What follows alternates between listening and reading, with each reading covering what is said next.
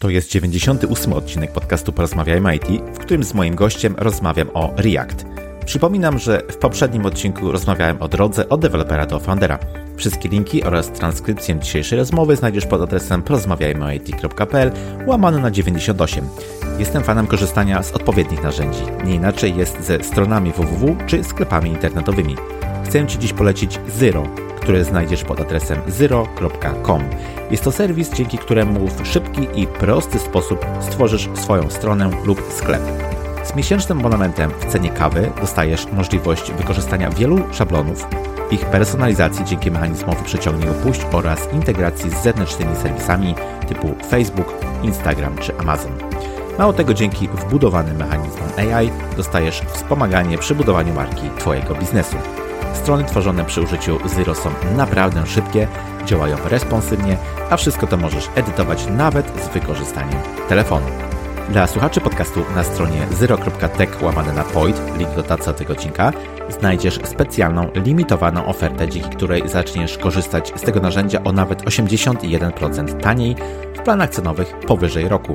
Aby to zrobić, skorzystaj z kodu Porozmawiajmy o IT pisanego razem. Co ważne, możesz już dziś skorzystać z tej oferty, a swoją stronę zacząć budować w Zero w dowolnym czasie. Polecam rozwiązania, które sam sprawdziłem. Nie inaczej jest w przypadku Zero. Kreator jest bardzo intuicyjny. Chcę poszerzać horyzonty ludzi z branży IT. Wierzę, że poprzez wywiady takie jak ten, publikowane jako podcasty, będę to robił z sukcesem.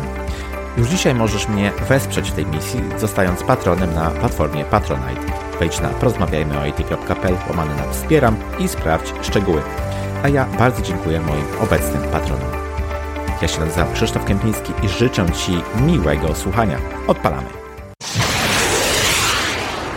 Cześć, mój dzisiejszy gość to programista z ponad 12-letnim doświadczeniem, specjalista takich technologii jak Python, JavaScript, PHP i NoSQL, współzałożyciel Lublin IT, założyciel i nauczyciel w szkole Reacta, wykładowca w Wyższej Szkole Przedsiębiorczości i Administracji w Lublinie, prelegent na konferencjach branżowych. Moim waszym gościem jest dzisiaj Patryk Omiotek. Cześć Patryk, bardzo miło mi gościcie w podcaście. Cześć, dzień dobry, bardzo mi miło. Na początek standardowe pytanie wprowadzające. Czy słuchasz, Patryk, podcastów? Jeśli tak, to może masz jakieś swoje ulubione? Mhm. Tak, na to pytanie odpowiem e, może dość zaskakująco, ale raczej nie słucham podcastów, mhm. z tego względu, że ta forma akurat jakoś do końca mi e, nie leży. Mhm. E, na takiej zasadzie, że e, robiłem kilka podejść do podcastów i tam jest bardzo dużo informacji, dużo mięcha, dużo takich wartościowych e, informacji, E, I coś takiego mi do końca nie wchodzi przez sam e, dźwięk. Ja muszę widzieć obraz chociażby. Dla mnie już wideokast albo jakiś film instruktażowy na YouTubie e, pozwala tą wiedzę tak jak łatwiej przyswoić. Natomiast jeżeli chodzi o formę audio, no, próbowałem wielokrotnie i bardziej, bardziej już do mnie trafiają audiobooki, mm. które, no wiadomo, to są książki, czasami e, się rozwlekają, jest jakaś ładna e, historia, więc tutaj nie trzeba mieć takiego skupienia. Natomiast przy podcastach, e, gdybym chciał tą całą wiedzę e, potem w jakiś sposób e, zapamiętać i wykorzystać, to jednak dla mnie to nie jest, nie jest idealna forma. Rozumiem wiesz, obserwuję cię w social mediach, widzę, że dużo działasz e, w obszarze Reacta, zresztą jesteś e, założycielem szkoły Reacta, dlatego chcę cię dzisiaj trochę podpytać e, na temat właśnie tej części technologii, o której sporo się słyszy, bardzo szybko i dynamicznie się rozwija, więc może, może właśnie dzisiaj sobie o tym porozmawiamy. Na początek taki trochę rys historyczny, no bo mm, jakiś czas temu jeszcze wydawało się, że nic z tej hegemonii Angulara nie jest w stanie przełamać, a wówczas właśnie na scenę wkroczył React i pewnie o tym nie wiedział, bo to zrobił. Właśnie, chcę Cię zapytać, jakie były okoliczności powstania e, Reacta, kto w ogóle stoi za tą e, technologią, no i dlaczego ten sukces Reacta nastąpił, to znaczy e, na jakie problemy najprawdopodobniej był lekarstwem, skoro tak dobrze przyjął się w środowisku, skoro tak dynamicznie się rozwija. Mhm. E, tak, tutaj, e, tutaj faktycznie możemy się trochę e, przenieść wstecz i mogę nieco powiedzieć o, o moich doświadczeniach. Mhm. E, ja byłem osobą, która po tej stronie frontendowej pojawiła się właściwie jakieś 6 lat temu. Wcześniej głównie pracowałem po stronie backendu i trochę przyglądałem się tych, te, tym technologiom e, frontendowym. Natomiast um, tam co chwilę wychodziła jakaś biblioteka, która za moment była hmm już albo przestarzała po mhm. kilku miesiącach, albo bardzo niestabilna.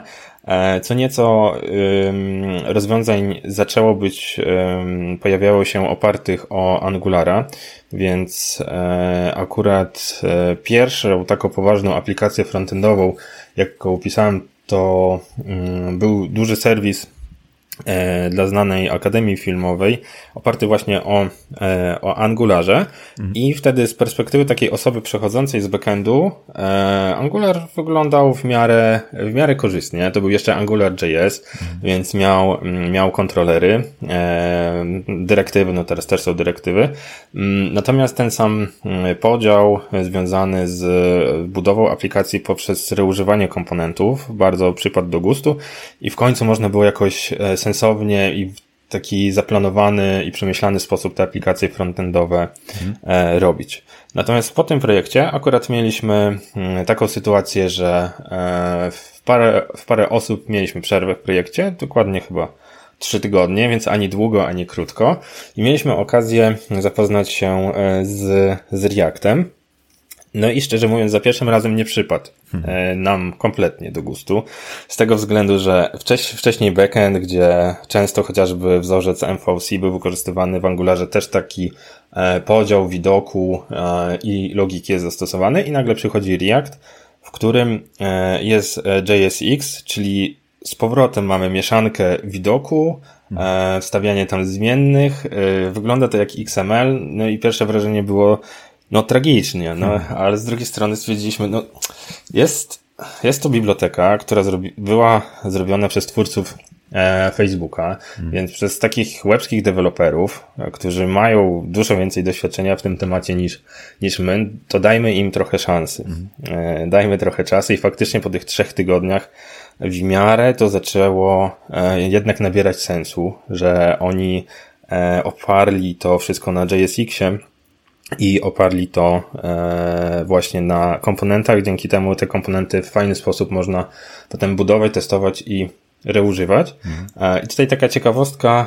E, JSX i ogólnie React był bodajże w 2015 roku chyba tak oficjalnie zaprezentowany. Mhm. Natomiast ta cała składnia pozwalająca na mieszanie JavaScriptu i, i HTML-a była inspirowana właśnie e, przez rozwiązanie XHP, które było napisane w PHP, żeby właśnie łączyć XML-a e, z PHP-em, a wytworzyć też takie komponenty po stronie e, PHP-owej. To bodajże w 2010 roku mhm. powstało, a chyba w 2015 już wyszła taka finalna wersja mm, w Reakcie, także Trochę właśnie deweloperzy Facebooka zaczerpnęli z, od deweloperów swoich kolegów z Facebooka, którzy właśnie e, po stronie backendu to pisali. Mhm.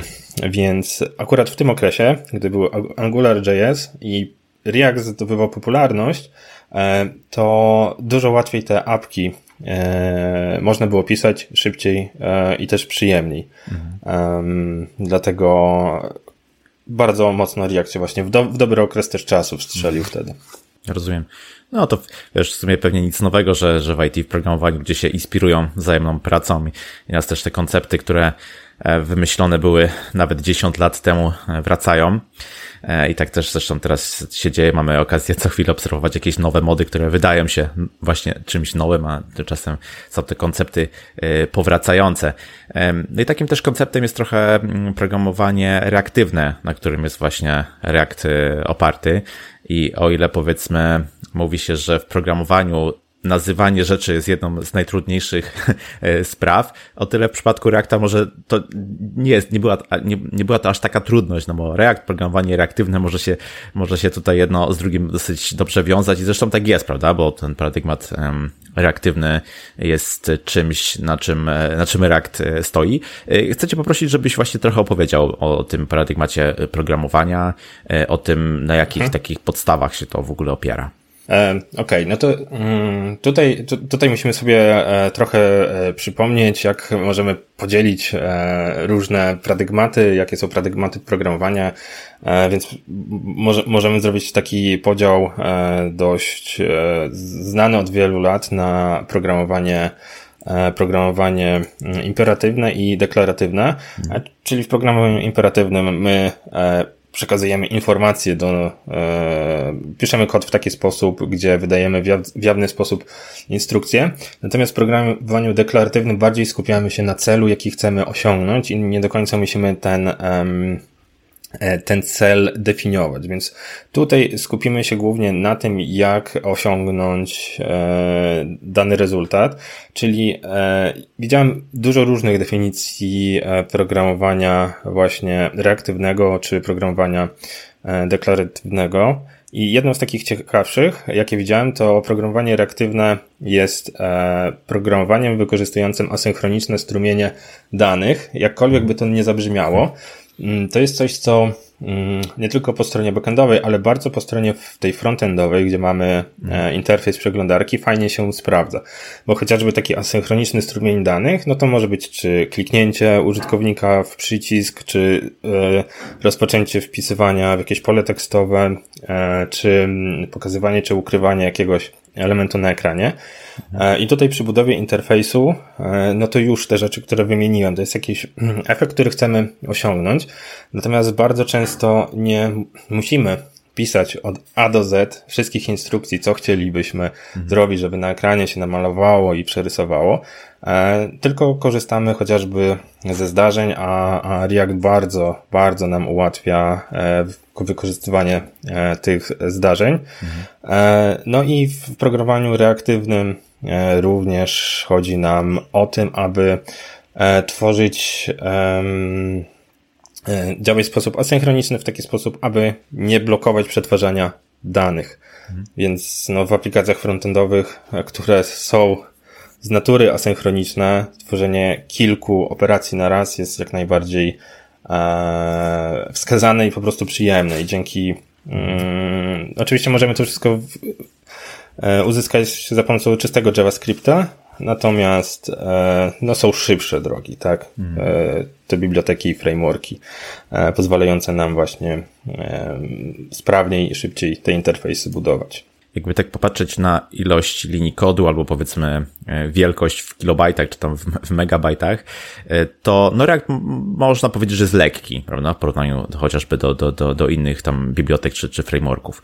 No właśnie, mhm. to jest jak gdyby takie kluczowe rozróżnienie, bo e, React, o Reactie mówi się jako o bibliotece, a nie jako właśnie o frameworku. Jestem ciekawy, co ty o tym myślisz i um, poproszę cię też, żebyś powiedział, na jakich podstawach, na jakich założeniach powiedzmy opiera swoje działanie właśnie React. Okej, okay, w porządku. E, to ja akurat e, chyba dlatego dość długo korzystam z Reacta, ponieważ lubię takie rozwiązania polegające na tym, że e, masz bibliotekę i możesz z tego zrobić co chcesz. Nie masz narzuconych zasad właściwie jak masz to robić. Coś, co mhm. mi przeszkadzało jeszcze w, w pracy backendowej, bo wówczas za bardzo nie, nie, nie przepadałem za frameworkami, korzystałem z takich większych bi bibliotek. Akurat w moim przypadku to był Zend Framework, mhm. który był w nazwie framework, ale właściwie był biblioteką. No, tak, mhm. inżynierowie Zenda są e, mają ciekawe podejścia w niektórych e, kwestiach. E, natomiast e, gdy widziałem Angulara i Reacta, no to faktycznie mi się bardziej React spodobał ze względu na to, że on jest lekki, on właściwie daje mi kilka E, metod e, dostępu do swojego e, interfejsu API, za pomocą których ja szybko mogę mm, stworzyć te komponenty, a z komponentów mm, aplikację. To co, to, co mnie też przekonało do Reacta, no, to mechanizm Virtual Domu, czyli React zanim cokolwiek do naszej przeglądarki przekaże, to najpierw e, ma swoje algorytmy i te algorytmy update'ują wirtualne drzewo dom. Mhm. Więc dopiero gdy zupdate'ują, jest potrzeba zmiany tego wirtualnego drzewa dom, to wówczas operacje są przenoszone do naszej przeglądarki, do drzewa dom i faktycznie wtedy przeglądarka nam przerenderuje jakiś element na ekranie. Mhm. To jest na tyle istotne, bo Same operacje na drzewie dom są dość, e, potrafią być dość czasochłonne. E, jeżeli nałoży się kilka różnych efektów, czy kilka różnych animacji, no to nasza aplikacja spowalnia po prostu mhm. swoje działanie. Natomiast e, myślę, że ten Virtual DOM to też był taki e, killing feature, jeżeli chodzi o ten okres, gdy React wchodził i jeszcze AngularJS był na rynku. Mhm. E, wówczas on tego nie ma. On operował głównie głównie na, na drzewie dom, więc ze względu na też szybkość działania i e, mniejszą wagę. E, porównując, mamy, mamy małą biblioteczkę, za pomocą której możemy zrobić dużo, naprawdę dużo, dużo e, w porównaniu do, do innych rozwiązań. To jest coś, co przeważyło, mhm. myślę, przy wyborze. Rozumiem. E, we wprowadzeniu mówiłem, że jesteś twórcą szkoły Reacta i w tej szkole właśnie uczysz e, tej biblioteki zarówno początkujących, jak i zaawansowanych, bo tam widziałem tych, tych modułów już trochę jest. Mówisz też, e, często widzę właśnie na social mediach, że to jest taka szansa, poznanie Reacta jest szansą na znalezienie lepszej pracy. Dlatego chcę Cię zapytać, jak wygląda obecnie popularność Reacta w projektach? Jakbyś czy są może jakieś, nie wiem, um, jakieś ankiety, czy może jakieś oszacowanie rynku, które mówi, jak popularny powiedzmy jest e, React i z drugiej strony też jak wygląda rynek pracy obecnie. Mhm. E, no, ja tutaj się odniosę głównie do, do polskiego rynku pracy, ponieważ mhm. zagraniczny moim zdaniem jest React przeważający, natomiast nie mam takich pełnych jakichś danych czy wyników raportu, do których mógłbym odesłać. Mhm. Natomiast jeżeli chodzi o, e, o polski e, rynek, no to mogę powiedzieć też z, cofając się kilka, kilka lat wstecz, jeżeli aplikowało się z 5 lat temu na pozycję frontend dewelopera, no to wystarczała już dobra znajomość JavaScript, HTML, e, CSS. Natomiast od jakichś półtora roku, dwóch lat e, osoby aplikujące nawet na stanowisko juniora no to wymagana jest znajomość przynajmniej Reacta, Angulara e, albo Vue. To wynika też z tego względu, że e, świadomość klientów bardzo e, też poszła do przodu. Klienci zdają sobie sprawę po prostu z rozwiązań technicznych, za pomocą których mogą albo po prostu chcą oprzeć swoje aplikacje, mhm. więc my bardzo często jak dostajemy jakiegoś, jakiś wstępny projekt od klienta do wyceny, to on już mówi na przykład, chce to zrobić w Reactie, bo być może potem będę chciał aplikację mobilną, który mhm. zrobi mi ten sam zespół w React e, Native.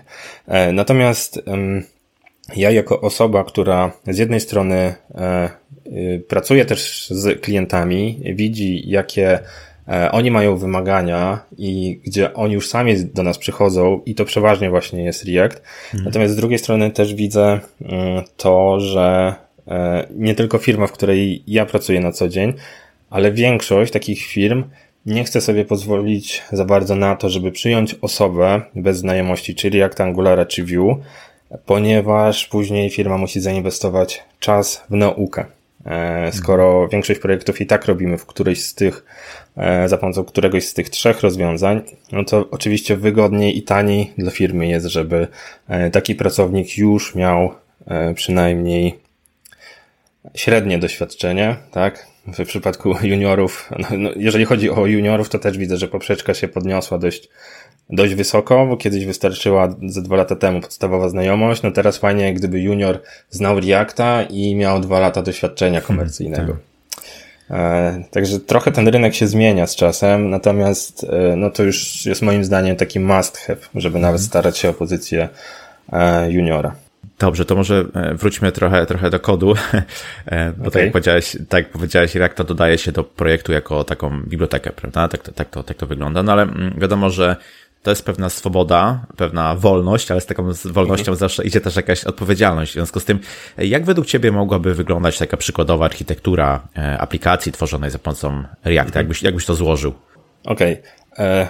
Ogólnie architektura aplikacji Reactowych i stylowanie to są dwa tematy, gdzie największe są wojny religijno-techniczne w świecie Reactowym, e, ale jeżeli chodzi o architekturę, to już w miarę na przestrzeni ostatnich lat to zostało w miarę tam doprecyzowane, są już jakieś e, dobre praktyki, dobre, e, dobre wzorce, więc w tym momencie, jeżeli e, tworzymy aplikację naszą e, jakąś reaktową, to możemy podzielić strukturę w taki sposób, e, no, jest kilka podejść. Możemy to podejść do tego domenowo, czyli stworzyć sobie mm, jakieś domeny, no, niech to będą użytkownicy, zamówienia, płatności. W środku powiedzmy tych folderów przechowywać komponenty, które będą nam pobierały jakieś dane, wysyłały dane i w środku też tych folderów możemy stworzyć sobie komponenty prezentacyjne, które tylko będą nam to e, wyświetlały. Czasami to podejście jest e, jak najbardziej ok, ale w wielu miejscach zaczyna być niewystarczające, jeżeli nasze komponenty między tymi właściwie e, domenami miałyby być reużywalne. Więc jeżeli nam tutaj już dochodzi, nie wiem, przycisk albo tabela, która ma być wykorzystywana tutaj i tutaj, no to pojawia się pewien problem. E, I ogólnie e, twór, jeden z głównych e, kontrybutorów Reacta, Dan Abramow, stworzył nawet taką stronę i tam jest hasło, jak tworzyć architekturę w Reactie. I odpowiedzią jest, mm, przenoś pliki, katalogi tak długo, aż poczujesz, że to spełnia się w Twoim projekcie, aż to działa. Więc podejście też jest inne. Możemy sobie podzielić aplikację chociażby na, to bardziej z Next.jsa, jest zaczerpnięte, na folder, który trzyma strony, czyli te komponenty, które są bezpośrednio z routingiem zmięte e, i one będą nam reagowały na routing i pobierały, e, pobierały dane. Natomiast e, pozostałe komponenty możemy podzielić na komponenty właśnie takie prezentacyjne, gdzie z góry te dane otrzymamy i zostaną tylko wyświetlone albo też po prostu trzymać folder components i w środku komponenty, ale to przy mniejszych projektach się sprawdzi, bo gdzieś musimy jeszcze dorzucić znowu tą warstwę taką e, biznesową bardziej. E, no i gdzieś w takim razie komponenty, które są kontenerami powinniśmy dodać, więc to trochę zależy od projektu. Jednej takiej e, sprawdzonej architektury na pewno nie ma. Mhm. Natomiast te kilka wymienionych najczęściej właśnie e, widziałem w projektach, projektach najczęściej się, się sprawdzają, więc mhm. Korzystając z tych, myślę, że większość aplikacji takich frontendowych możemy sobie przygotować. Jakiś czas temu takim dużym wydarzeniem w świecie React to było pojawienie się hooków. Wiadomo, dużo już się o tym pisało, dużo się o tym mówiło, tego tylko tak w skrócie chciałbym Cię poprosić, żebyś powiedział, czym React hooki e, są i czy w Twojej ocenie po no już trochę czasu minęło od momentu, kiedy się one pojawiły, czy nadal można je nazywać takim rewolucyjnym featurem w Reakcie? Hooki się pojawiły oficjalnie. E, wydaje mi się, że w tym tygodniu mijają równo dwa lata, odkąd mm. hooki się pojawiły. E, I czy są rewolucyjnym featurem? Wydaje mi się, że tak, bo w wielu projektach jeszcze się korzysta z tego podejścia klasowego. Mm. Natomiast mm, tutaj chciałbym wyraźnie zaznaczyć, że bo są duże kłótnie w internecie, czy korzystać z klas, czy korzystać z hooków. E, sami twórcy Reacta mówią, że pisz tak, jak ci jest wygodniej. Mhm. Tak? Hooki natomiast dały nam e, możliwość e, tworzenia naszych komponentów, tworzenia kodu wyłącznie w sposób funkcyjny, bo zanim zostały wprowadzone hooki, gdy potrzebowaliśmy korzystać ze stanu wewnętrznego naszej aplikacji, czy z lifecycle methods, mhm. na zasadzie no, pobierać dane w komponencie i potem te dane gdzieś mm, przekazać dalej, to musieliśmy po prostu tworzyć klasy. E, natomiast klasy w JavaScriptie są takim trochę sztucznym tworem. E, JavaScript jest z natury bardziej językiem e, funkcyjnym, w którym i tak wszystko jest obiektem. Natomiast w samym Reactie, dzięki temu, że hooki zostały wprowadzone, to mm, jedną z takich prostszych rzeczy jest oczywiście to, że nie musimy już korzystać z komponentów klasowych, Natomiast to daje e, trochę innych e, ważnych zalet, które są niedostrzegane, mianowicie sposób organizacji e, naszych projektów mm, i, i samych komponentów. Musimy teraz nieco dokładniej przemyśleć, żeby nie narobić bałaganu. W przypadku komponentów klasowych Łatwo można było narobić takich smaczków jak ze świata bardziej backendowego, że nasze klasy mają po kilkaset linijek i tam siedzi wszystko. Um, natomiast no, hooki już naprawdę dają możliwość e, Trzeba mocno przemyśleć te komponenty, ale też dużo e, sprawniej i dużo łatwiej można je e, przetestować, ponieważ klasy sprawiały pewne problemy, jeżeli chodzi o, o testowanie komponentów. Mhm. Więc odpowiadając na Twoje pytanie, czy są czymś rewolucyjnym, e, wciąż tak, ponieważ dużo projektów, które zostały rozpoczęte e, jakiś czas temu, przynajmniej dwa lata temu albo rok temu, wykorzystują te klasy i do nich tak już deweloperzy albo przerzucają powoli te mhm. hooki, albo starają się nowe obszary projektu pisać hookowo, bo mm, jest to wygodniejsze, szybsze, też te aplikacje trochę e, są bardziej optymalny. Także mhm. e, często na rekrutacjach technicznych zadaję pytania właśnie kandydatom e, klasy czy huki, co wolą, także też widzę, e, robię sobie taką statystykę, że jednak Aha. ludziom coraz bardziej te huki odpowiadają niż, mhm. niż podejście klasowe. Okej, okay, rozumiem. Właśnie wspomniałeś chwilę o testowaniu i ten wątek chciałbym e, przez moment pociągnąć, bo mam wrażenie, że jako branża programistyczna już lepiej rozumiemy, a przynajmniej mam taką mocną nadzieję, że rozumiemy, że testy są e, potrzebne i są powiedzmy nieodłączną częścią tego, co na co dzień e, robimy. Mm, dlatego pytanie do Ciebie, jak wygląda temat właśnie testowania w momencie, kiedy mamy w projekcie Reacta? To coś zmienia, coś daje? Jakie praktyki się stosuje? E, sam React jako tako e, nie, nie daje nam za bardzo jakiejś dodatkowej wygody czy możliwości, jeżeli chodzi o testowanie w porównaniu do, do innych rozwiązań mhm. JavaScriptowych. Natomiast bardziej się zmieniły trochę czasy, jeżeli chodzi, chodzi o frontend, bo kiedyś testowanie aplikacji JavaScriptowych, zwłaszcza jeżeli chodzi, zacznę od od testów end-to-end, to, to była mhm. jakaś masakra. E, testy uruchamiały się bardzo długo. E, bardzo często e, sama konfiguracja zajmowała masę czasu. No też e, było czasami tam Selenium, które nie wszystkim frontend deweloperom pa pasuje. Mhm. I wydaje mi się, że od czasu wprowadzenia, e, gdy pojawił się Cypress, no to jednak życie stało się trochę prostsze, przynajmniej pod tym kątem testowania E, end-to-end, gdzie my możemy sobie te testy wyklikać, ale w sumie też często się po prostu e, pisze bardzo wygodnie za pomocą e, ładnej i przyjemnej mhm. składni. Więc pod tym względem tutaj React nie jest jakoś tam, powiedzmy, się nie wyróżnia. Bardziej zewnętrzne narzędzia poszły mocno do przodu.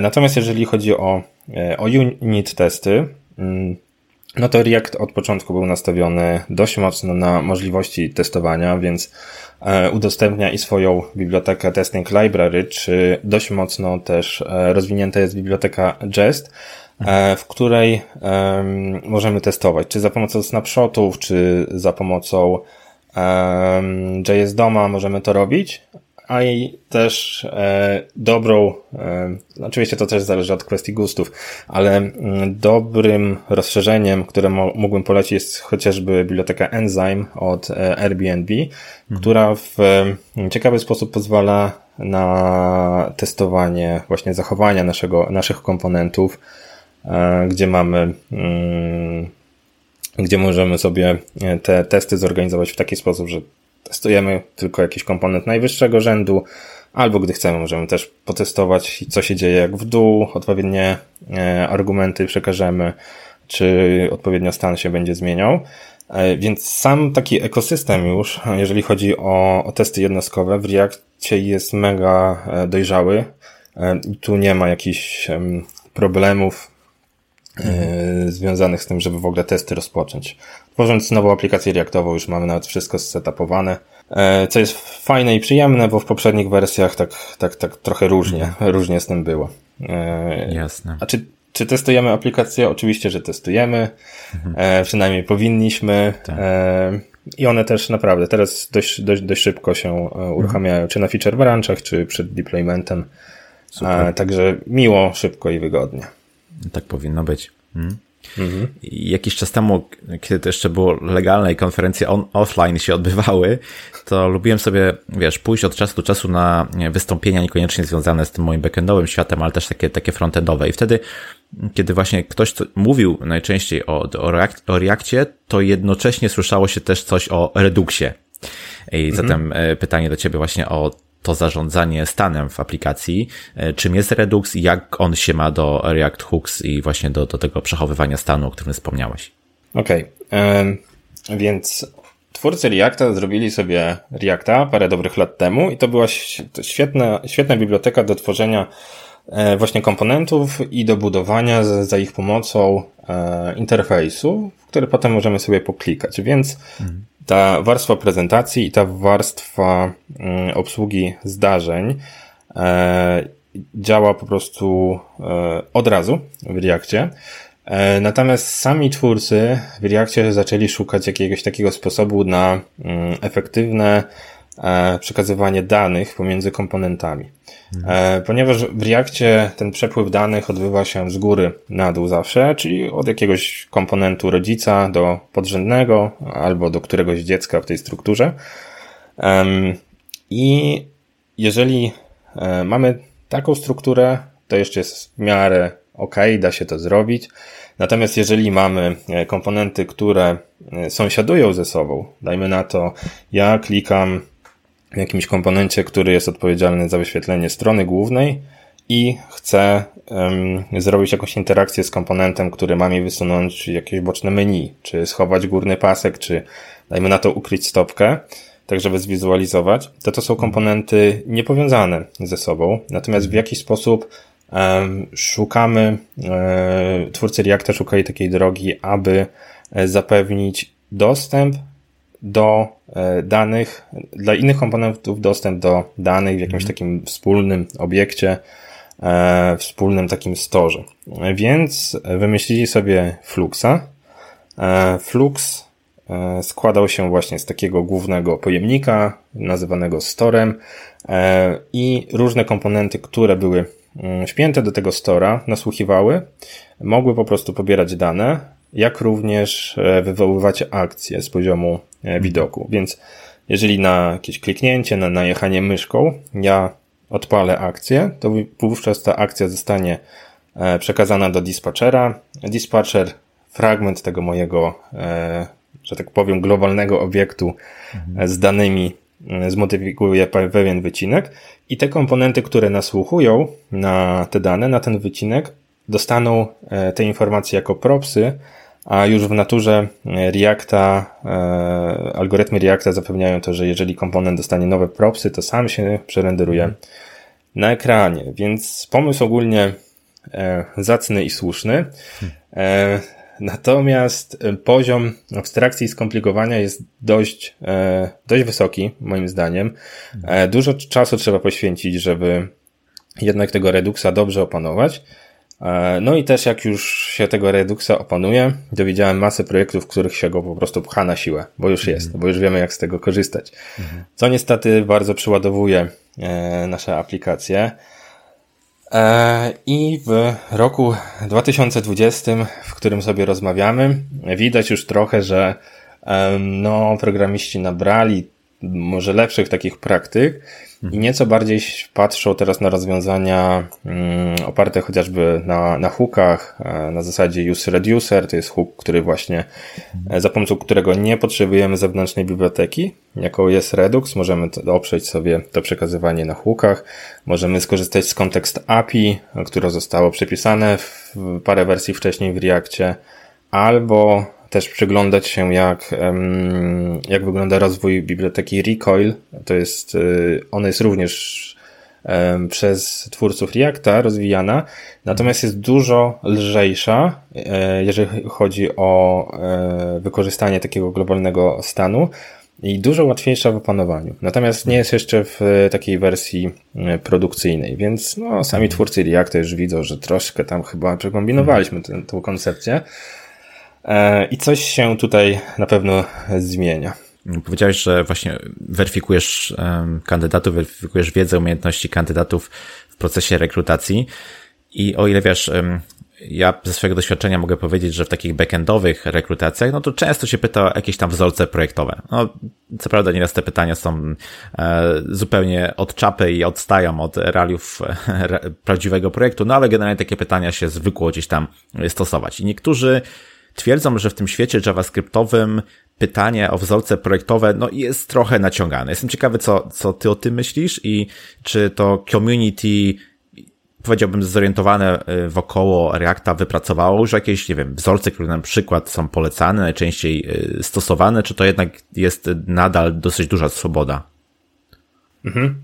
Mm, Okej, okay. to y, jeżeli odpowiada, jeżeli byśmy, bym miał się skupiać tylko na aplikacjach frontendowych, no to faktycznie zgodziłbym się z tym, że jako takie wzorce, które znamy bardziej z architektury oprogramowania, nie zawsze mają e, sens, powiedzmy, mhm. E, bycia.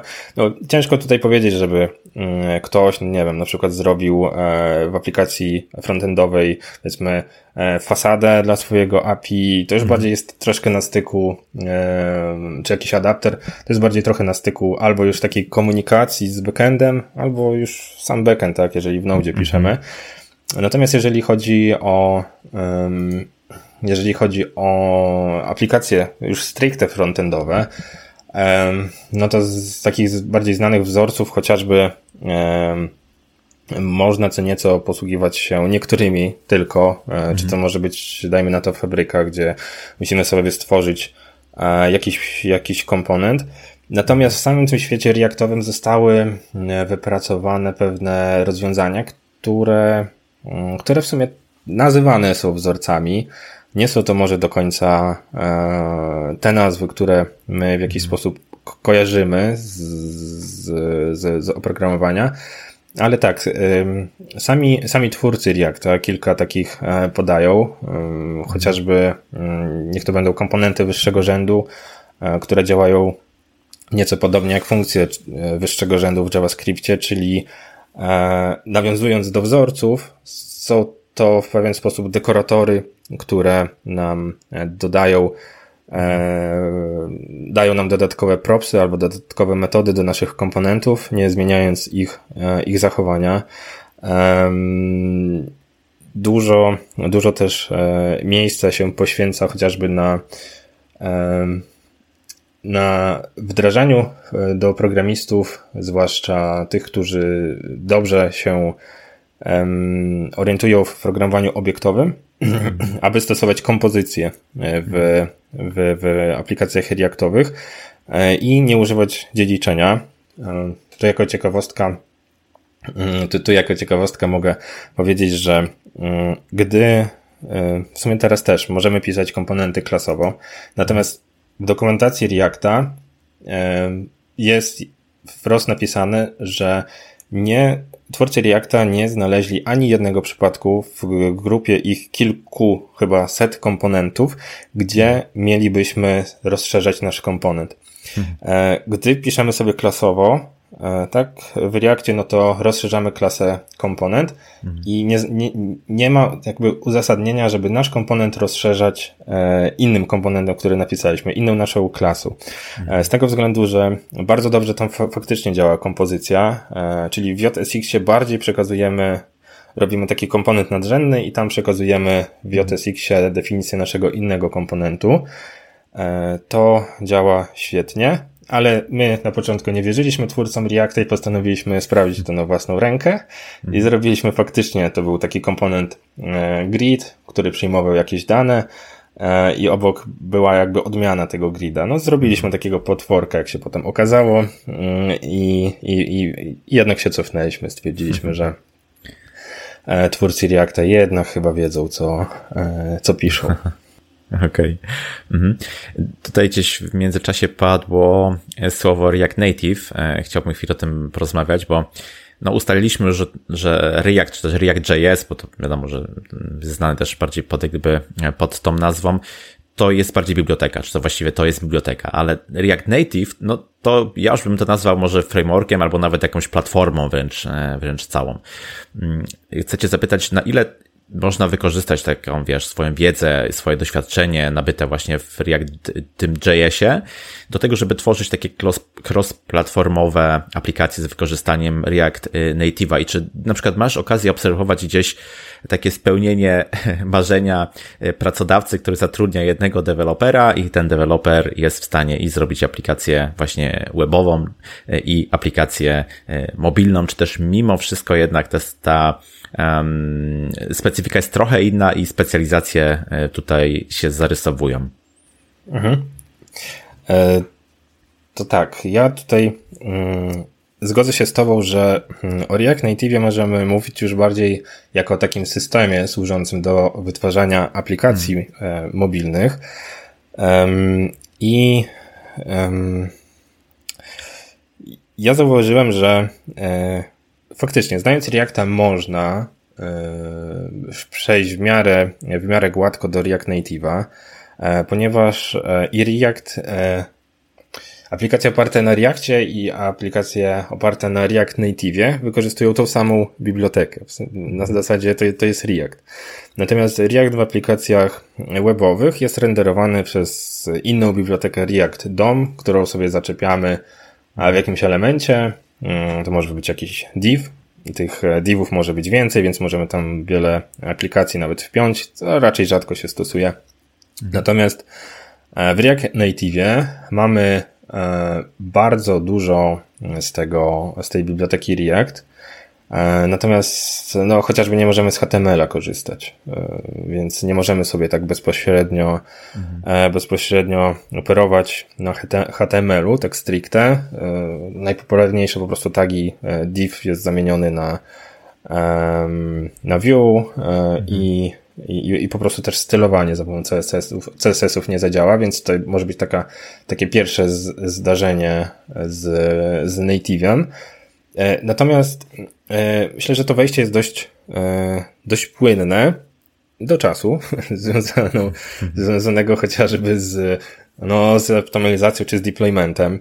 Mhm. Więc e, ogólnie React Native poszedł mega, mega do przodu, porównując chociażby z zeszłym rokiem. Progres, który mhm. zrobili, jeżeli chodzi o, e, o taką nawet przyjemność tworzenia tych aplikacji jest, jest ogromna, e, ale widziałem też sytuację w drugą stronę, gdzie osoby, które znają Native'a, całkiem dobrze sobie piszą w Native'ie, ciężko mi się odnaleźć w Reakcie webowym co jest, co mnie zaskoczyło nieco. Ale może faktycznie do webowego trzeba mieć jakieś podstawy HTML-a mhm. i CSS-a.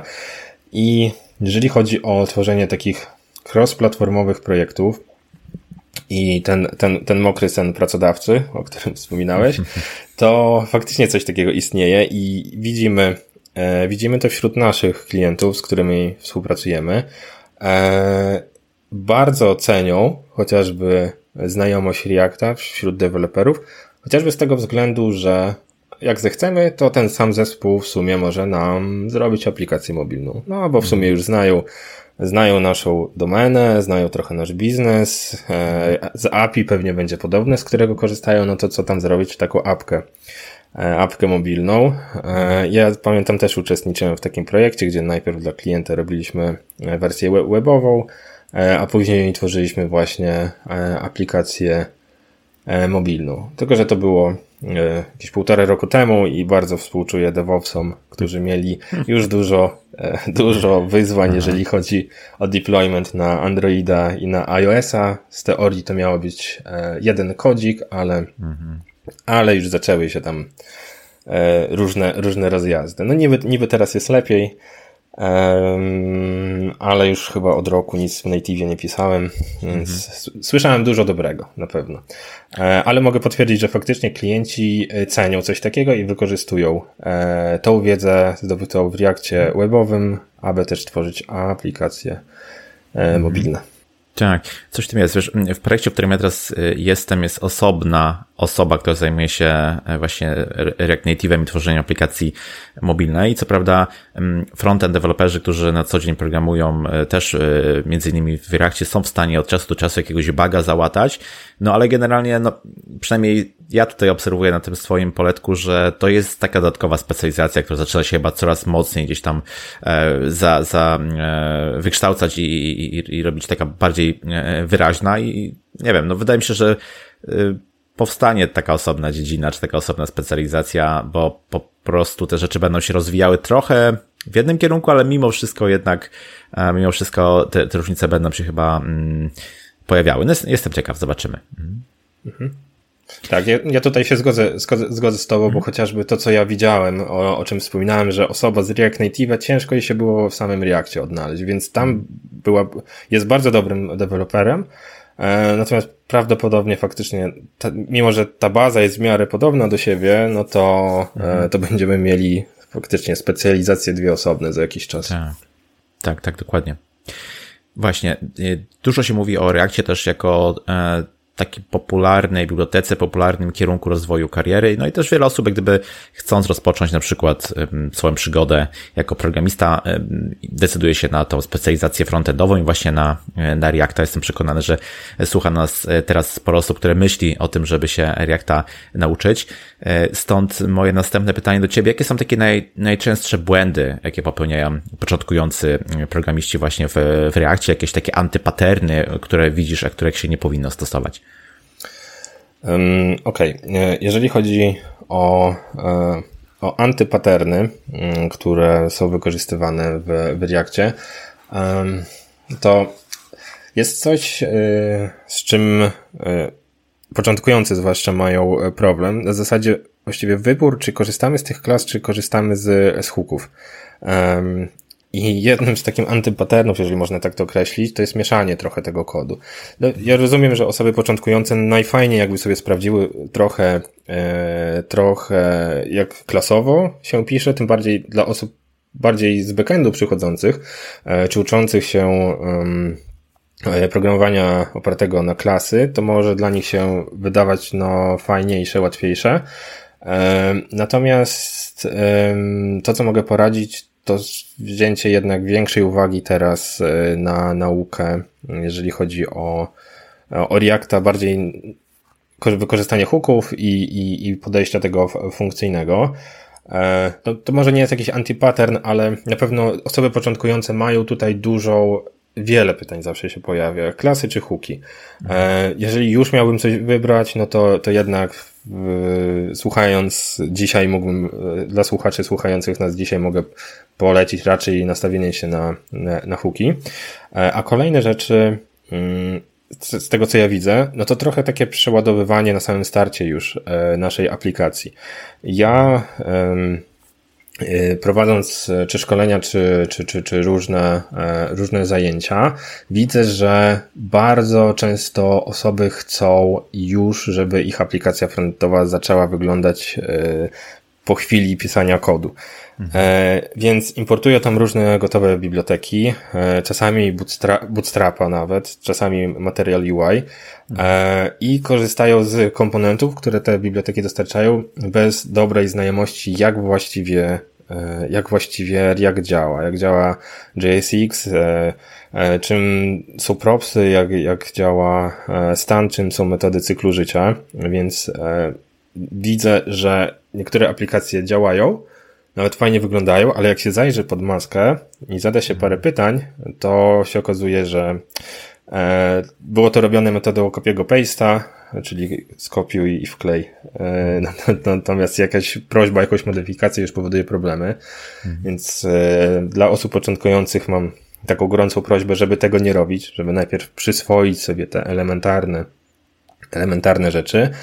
E, I potem faktycznie zaczną się pojawiać już takie antywzorce. Na zasadzie tutaj Zaczniemy pewnie źle klucze jakoś dobierać. E, zaczniemy korzystać z, pewnie z indeksów zamiast z, mm, zamiast z, powiedzmy jakichś identyfikatorów z baz. E, później prawdopodobnie pojawią się problemy z bindowaniem zdarzeń. E, często chociażby w funkcjach renderujących osoby początkujące tam sobie bindują zdarzenia, co nie jest do końca złe, natomiast będzie w jakiś sposób wpływało na na, na wydajność e, naszej aplikacji.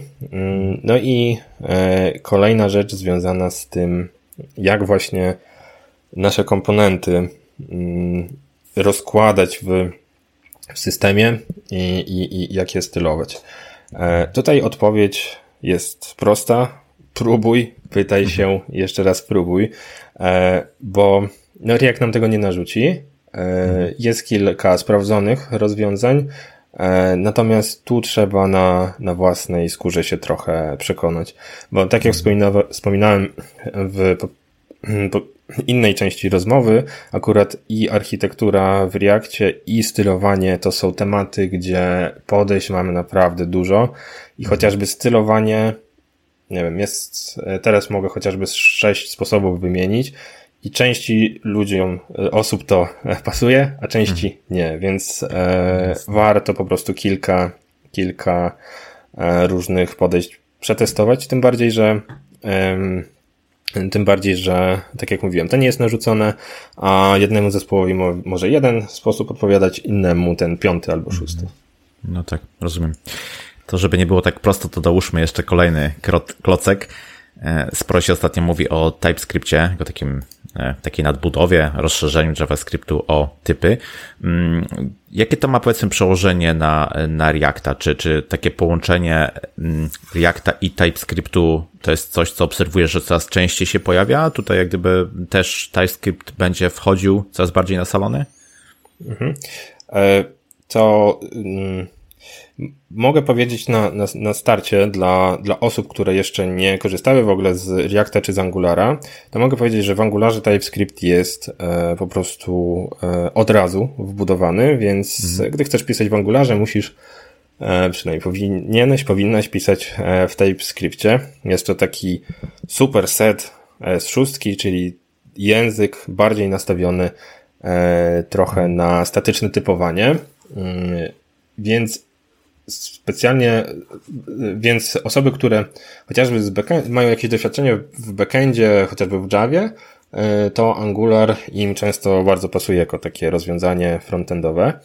Natomiast React, e, React korzysta z czystego JavaScriptu. Nie ma tam TypeScripta jako, mm, jako domyślny język pisania. Natomiast jak najbardziej można go sobie e, dokonfigurować i już e, Create React App, czyli mm, taka aplikacja, za pomocą której my tworzymy pierwszy projekt w Reactie, e, posiada bardzo fajną i łatwą integrację z TypeScriptem. Natomiast jeżeli chodzi o wykorzystanie, no to tak powoli w świecie Reactowym może nawet trochę szybciej niż powoli, yy, zaczyna się zapalać lampka deweloperom, że w sumie ten TypeScript możemy, możemy go również w sumie wykorzystać w Reactie. Część osób oczywiście ma e, co do tego zastrzeżenia, no bo jak statyczne typowanie w JavaScriptie to jest coś nienaturalnego dla języka, tym bardziej, że pod spodem i tak to jest zamieniane e, przecież e, na, na, na, na kod JavaScriptowy. Natomiast to trochę zależy od, od podejścia, w jaki sposób chcesz pisać.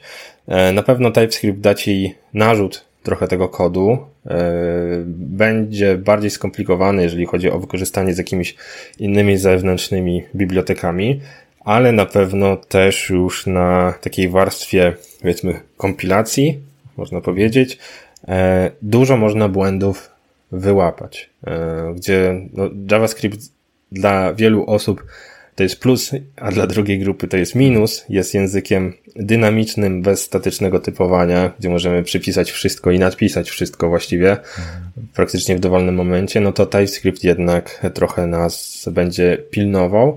Mm, no na pewno raczej słyszę e, dobre opinie w świecie Reactowym, w sensie jak już ktoś w Reactie zasmakował TypeScripta, no to raczej nie wyobraża sobie projektów bez, e, bez TypeScripta. Także oczywiście można też robić apki bez, można z. E, na pewno próg wejścia trochę jest wyższy, e, ale też potem można spać nieco spokojniej, jeżeli ma się TypeScripta w projekcie.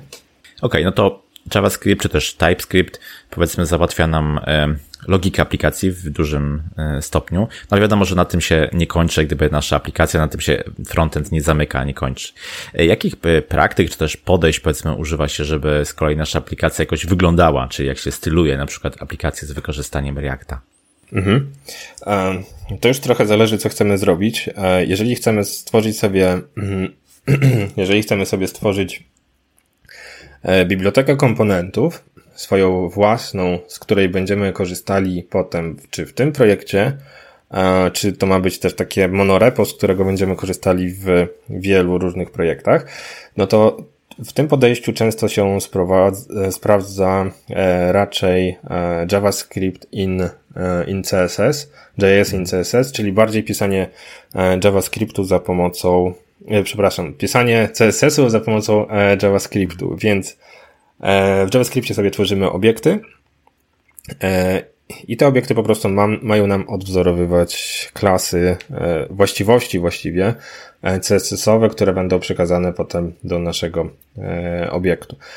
Plusy są chociażby takie, że to jest czysty JavaScript, więc możemy za pomocą zwykłego języka sobie zdefiniować jakąś paletę kolorów, zdefiniować sobie jakieś miksy, miksiny, zdefiniować breakpointy i potem po prostu importować w tych miejscach, gdzie jest nam to potrzebne. Natomiast mm, gdy już tworzymy komponenty jakieś takie, e, czy korzystające z tej naszej biblioteki, e, czy po prostu komponenty, które będą wykorzystywane w aplikacji, jak jakieś e, bardzo specyficzne pod projekt, dajmy na to jakąś grid z użytkownikami, czy jakąś listę, no to wówczas no, podejść jest sporo. Więc trochę też zależy od zespołu, co zespół sobie wybierze. E, ale możemy tak, wystartować od zwykłych CSS-ów, bo e, w Reakcie od razu to jest dostępne, czyli można zaimportować pliczek CSS-owy. Można e, out of the box praktycznie korzystać mm, z SASa. Trzeba tylko Node SASa doinstalować do projektu, więc to już są dwie drogi. No to się sprawdza przy osobach, które już po prostu e, z Sasa im się fajnie, dobrze korzysta i mają to w miarę dobrze opanowane. Również możemy tam korzystać z JavaScript, JavaScript in CSS. E, mhm. Tak dużą popularność z tego co widzę zyskuje e, w sumie post-CSS, który jest w, w Reakcie tak jakby wbudowany, nie musimy nic doinstalowywać, a daje nam właściwie takie możliwości jak, jak SAS. Więc to jest czwarty sposób.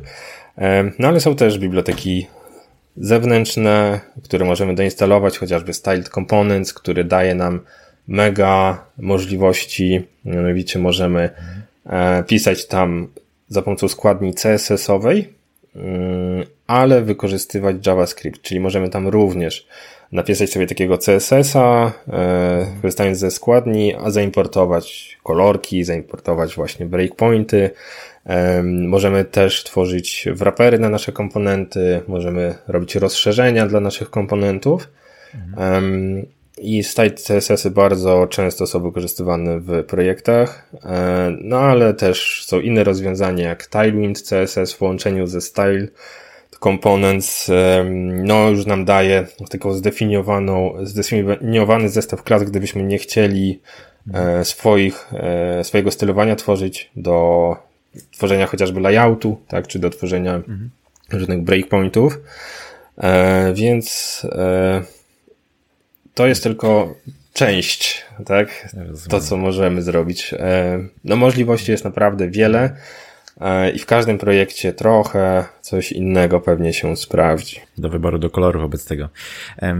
To jak będzie wyglądała według Ciebie przyszłość Reacta? Czy takie nowe biblioteki, frameworki, nowi gracze, jak na przykład Vue są w stanie zagrozić jak gdyby w tej chwili pozycji Reacta według mhm. Ciebie? E, jakoś niedawno temu wyszła nowa, nowa wersja Vue. E, no i Vue miał też fajną, fajną społeczność. E, natomiast jeżeli chodzi o, o to, żeby zagrozić, wydaje mi się, że mm, do końca może nie. E, część deweloperów może do Vue sobie przejdzie, e, ponieważ Vue dość, dość mocno jest wzorowany na, na, na Reactie, ale bardziej twórcy poszli w stronę trochę frameworka. Więc wzięli też fajne rzeczy, które w Reactie im się podobały, dopisali mm, to, co według nich by było fajne, więc jeżeli ktoś szybko chciałby stworzyć e, aplikację, to myślę, że Vue jest fajnym rozwiązaniem. Natomiast mm, tutaj tak ciężko trochę odpowiedzieć, czy, czy jakieś inne rozwiązanie zagrozi, ponieważ do, jak ja zaczynałem przygodę z Reactem, no to myślałem, że no pewnie jakiś tam rok, półtora w tym poprogramuję, a potem jakieś nowe rozwiązanie wyjdzie. Natomiast um, wyszło tak, że w sumie i Angular i Reactive Vue, no to już są rozwiązanie na tyle dojrzałe, e, no, że i branża e, bankowa po prostu z tego korzysta. Jak oni z tego korzystają, e, no to raczej te mm, rozwiązania będą przez długi okres jeszcze utrzymywane. Zobaczymy jeszcze, co, co przyniesie rozwój web komponentów natywny w samych, w samych przeglądarkach jak to się będzie odbywało. No, React wypuścił niedawno, dwa tygodnie temu bodajże wersję 17, która nie przyniosła żadnych, tak jakby nowych właściwie feature'ów. E, tam twórcy prze, przepisali parę, parę, parę rzeczy, natomiast e, no, będziemy obserwowali, jak ta wersja 18 też się będzie e, zachowywała, więc na razie jakichś tam nowych smaczków hmm. nie ma. I też trochę ciężko sobie wyobrazić, moim zdaniem, czy, czy pojawią się, znaczy na pewno pojawią się nowe rozwiązania, ale czy one zyskają e, takie duże community, duże, e, duże wsparcie, no, no zobaczymy. Mi się wydaje, że w perspektywie przynajmniej paru lat najbliższych jeszcze z Reacta będziemy mogli spokojnie korzystać. Okej. Okay. No zobaczymy, co wobec tego przyszłość przyniesie. Ja Ci bardzo dziękuję za rozmowę, za to wprowadzenie do, do Reacta. Myślę, że tak e, nie tylko mnie rozszerzyłeś, że tak powiem, e, spojrzenie, ale też tym osobom, które gdzieś myślą o tym, żeby właśnie może się douczyć Reacta, bo na przykład programują na backendzie, a coś innego interesuje, albo chcą w ogóle rozpocząć swoją karierę. Myślę, że to też jest dobry mm, kierunek. E, stąd jeszcze raz wielkie dzięki za, za tą rozmowę naszą dzisiejszą i powiedz proszę na koniec, gdzie cię można znaleźć w internecie, jak się z tobą skontaktować. Dzięki wielkie również za, za, za rozmowę. E, w internecie możecie mnie znaleźć wpisując w Google Patryk Omiotek, czy na Facebooku, LinkedInie, e, czy na Instagramie. Z Twittera raczej rzadziej korzystam, ale też zaglądam. Mhm. Świetnie. Oczywiście wszystkie linki dodam do notatki do tego odcinka. Jeszcze raz bardzo dziękuję. Do usłyszenia. Cześć. Dzięki również. Do usłyszenia. Hej. I to na tyle z tego, co przygotowałem dla Ciebie na dzisiaj. React to bardzo popularne rozwiązanie w świecie frontendowym. Mam nadzieję, że teraz lepiej rozumiesz, skąd ta biblioteka się wzięła i na jakich podstawach opiera swoje działanie. Jeśli masz jakieś pytania, pisz śmiało na krzysztofmałpa porozmawiajmy.it.pl. Jeśli doceniasz natomiast to, co robię, wesprzyj mnie na Patronite. To taka platforma, na której wspierasz twórców internetowej działalności. Mnie możesz wesprzeć kwotą już od 5 zł miesięcznie.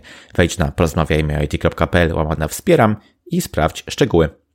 Jeśli natomiast spodobał Ci ten odcinek i nie chcesz przegapić kolejnych epizodów, zasubskrybuj go w swojej aplikacji podcastowej. Jeśli nie wiesz jak to zrobić, wejdź na stronę porozmawiajmy.it.pl łamane na subskrybuj. Ja się nazywam Krzysztof Kępiński, a to był odcinek podcastu Porozmawiajmy IT o React. Zapraszam do kolejnego odcinka już za dwa tygodnie.